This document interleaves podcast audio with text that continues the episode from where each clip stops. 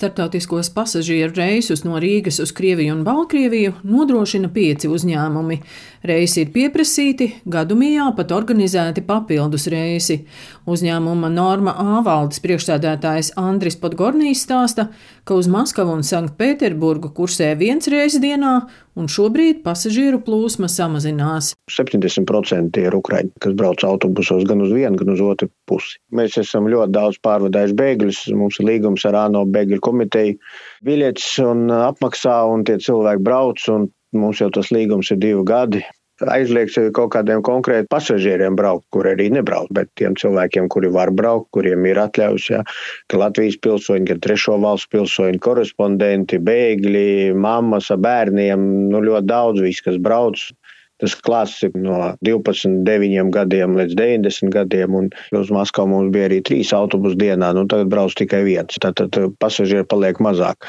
Nu, ja pasažieru plūsma kritīsies tik daudz, ka nevajadzēs cilvēkiem braukt, nu, tad mēs noteikti arī nebrauksim. Par to pašu reputāciju man ir grūti pateikt, kāpēc tas jautājums tādā ziņā ir pacēlies. Tāpēc, ka mēs jau nesadarbojamies. Mēs jau aizvedam pasažierus, kam ir atļauts to darīt. Robežsargs zina, cikos mēs atbrauksim, kas tur atbrauks, jā, un tā tad kontrola notiek Pārvadātājus uzrauga autotransporta direkcija, kas seko līdzi dokumentācijai un izvērtē, vai sadarbības partneri otrā valstī nav iekļauti sankciju sarakstos.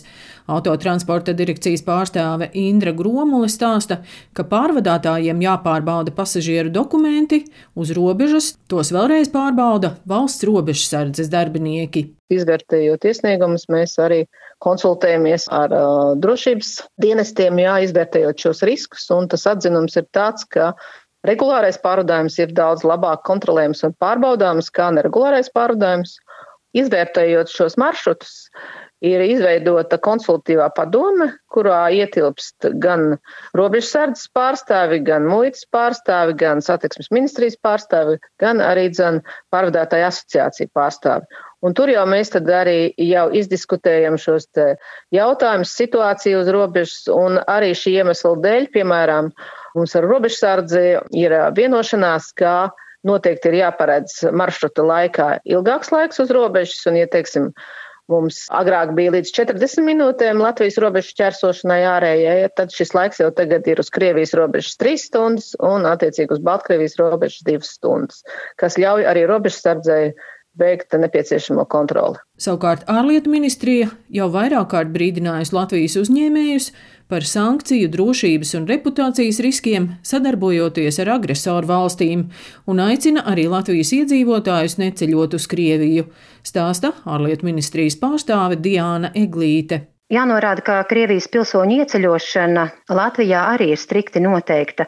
Spēkā ir ministra kabineta rīkojums numur 599 kas nosaka, ka Latvijā šķērsojot tās ārējo robežu var ieceļot tikai noteiktu kategoriju Krievijas pilsoņu, piemēram, Latvijas valsts piedarīgo ģimenes locekļi.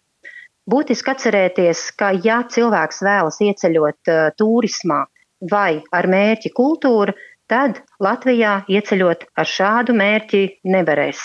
Tāpat jānorāda, ka Padziļinātas Krievijas pilsoņu pārbaudas uz Latvijas un citu Baltijas valstu ārējām robežām ar Krieviju notiek jau kopš kara sākuma. Tas arī ir jāņem vērā.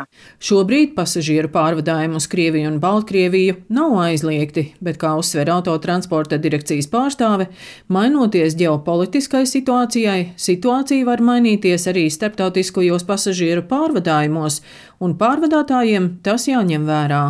Daina Zalamane, Latvijas radio.